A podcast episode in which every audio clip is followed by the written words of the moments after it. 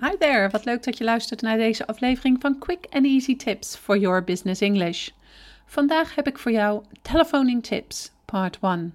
Mijn naam is Anneke Drijver van Improve Your Business English en de auteur van het boek A Master Your Business English: Communicate with Power in 7 Simple Steps.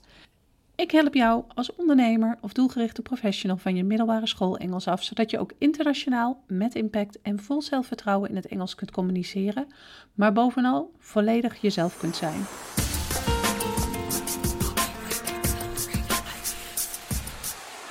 Als business professional komt het vast maar al te vaak voor dat je aan het telefoneren bent. Dat kan allerlei redenen hebben. Van een kort telefoontje van een assistente om je op de hoogte te houden van je agenda, tot een uitgebreide tot een uitgebreide vergadering met een internationale collega.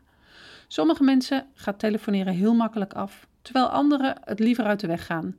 Bij welke groep je ook hoort, het is niet verkeerd om je bewuster te worden van de manier waarop jij telefoneert. Wist je namelijk dat je met best veel verschillende zaken rekening kunt houden om een telefoongesprek nog prettiger te maken voor jezelf, maar ook voor degene waarmee je telefoneert? In deze podcast ga ik een aantal telefoning tips met je bespreken die te maken hebben met het verbeteren van de communicatie.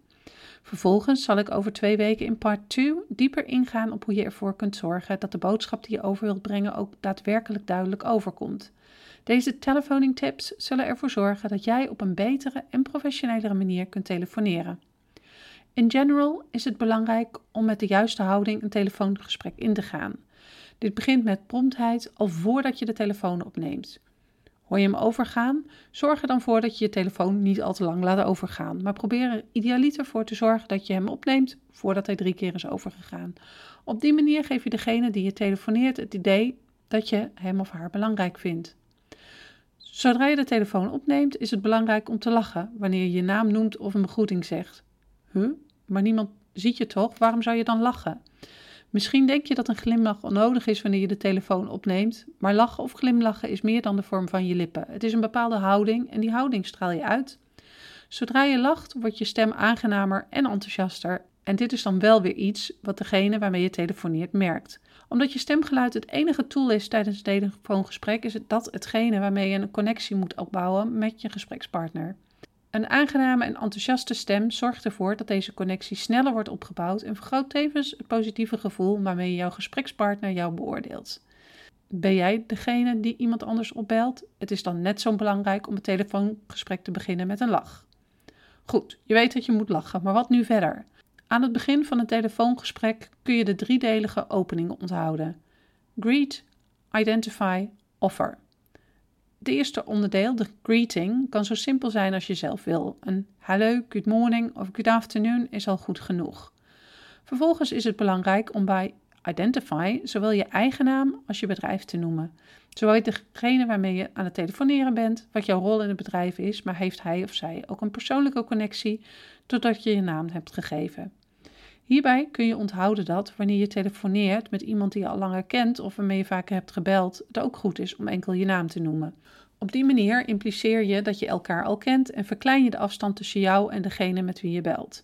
Dit zorgt ervoor dat je impliciet de connectie tussen jou en je gesprekspartner benadrukt. Vervolgens is het belangrijk om met een offer te komen. Dit kan bijvoorbeeld zijn: How may I help you? Or what can I do for you?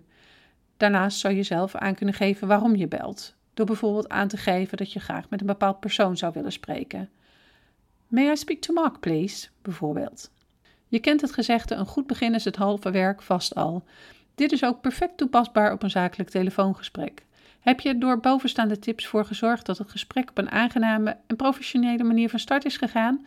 Dan is de kans groot dat degene waarmee je aan het telefoneren bent zich prettig voelt en dat dat tevens de toon is die gezet is voor de rest van het gesprek.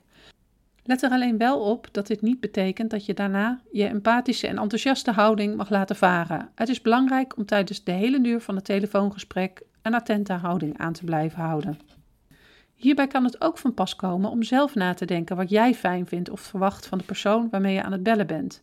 Het is bijvoorbeeld niet fijn als je gesprekspartner constant vraagt of je kan herhalen wat je zojuist gezegd hebt.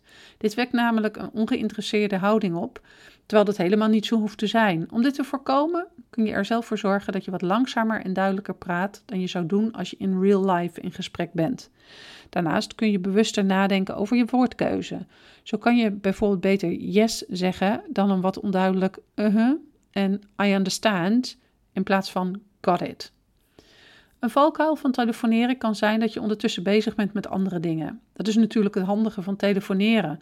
Een mobiele telefoon kun je tegenwoordig overal mee naartoe nemen. Er zit namelijk geen draadje meer aan en je bent praktisch overal bereikbaar. Dit betekent echter niet dat je zakelijke telefoongesprekken vlug tussendoor kunt doen.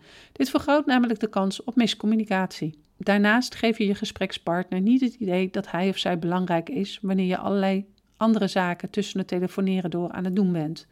Probeer daarom een telefoongesprek te voeren zoals je zou doen als je face-to-face met elkaar zou praten.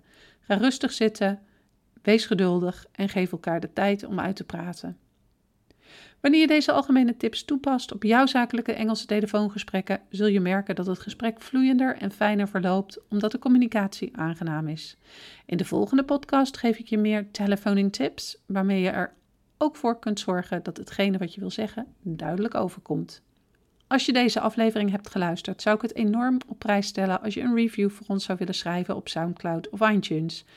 Dit helpt anderen weer om onze podcast te kunnen vinden en daarmee hun Engels te verbeteren.